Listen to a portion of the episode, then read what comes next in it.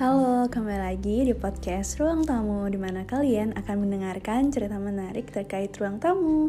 Jadi dengerin yuk cerita kali ini karena ada sedikit berbeda. Kita akan membahas tentang perasaan.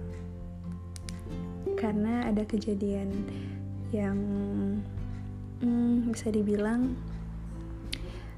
kebetulan banget hari ini ada perasaan yang eh, nggak uh, pernah dirasain sebelumnya. Bukan masalah pribadi juga tapi mungkin teman-teman juga pernah ngerasain hal seperti ini.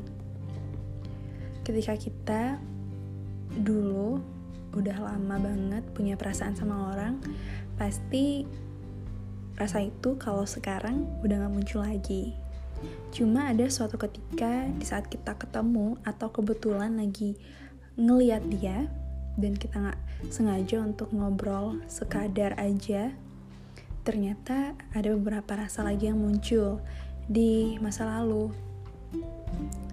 Di saat itu juga kadang hal yang kita inginkan, yang kita takutkan dulu, ternyata itu kembali ada. Dan benar nyatanya, mungkin di agama kalian juga pernah ada um, teori atau um, suatu hal yang kalau di agamaku bilang Allah itu suka membolak-balikan perasaan seseorang.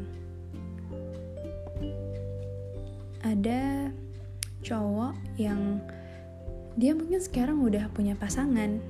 Maksudnya pasangan dalam hal dia sudah punya ruang orang lain di hatinya. Tapi di saat kita ngobrol lagi kita ketemu lagi ada perasaan yang muncul lagi mungkin darinya. Dan celutukan seseorang bilang tentang Allah itu suka membolak-balikan perasaan seseorang atau Tuhan itu suka membolak-balikan perasaan orang itu benar nyatanya mungkin aja keesokan harinya dia datang ke rumah buat belanja atau sekedar ngomong. Dan itu benar-benar kejadian gitu. Perasaan orang itu bisa aja yang dulunya gak serak sekarang jadi serak lagi. Atau nanti lagi gak serak terus serak lagi. Mungkin kalian pernah gak sih ngerasain hal tersebut? Kalau dalam kejadian yang seperti ini sekiranya kita pasti lebih merasa kalau perasaan ini sedang dipermainkan oleh Tuhan. Entah itu kita yakin terhadap seseorang itu atau kita malah nggak yakin. Ya karena kalau kita malah yakin atau ke bawah ke suasana, hal-hal yang tidak kita inginkan takut kejadian atau nanti mungkin dia bisa diambil orang atau gimana atau dia punya perasaan atau kita nih punya perasaan sama dia tapi dia belum tentu punya perasaan sama kita. Kadang hal itu yang menjadi penghambat dalam sebuah hubungan antara dua insan yang berbeda. Hmm, kalau kalian gimana?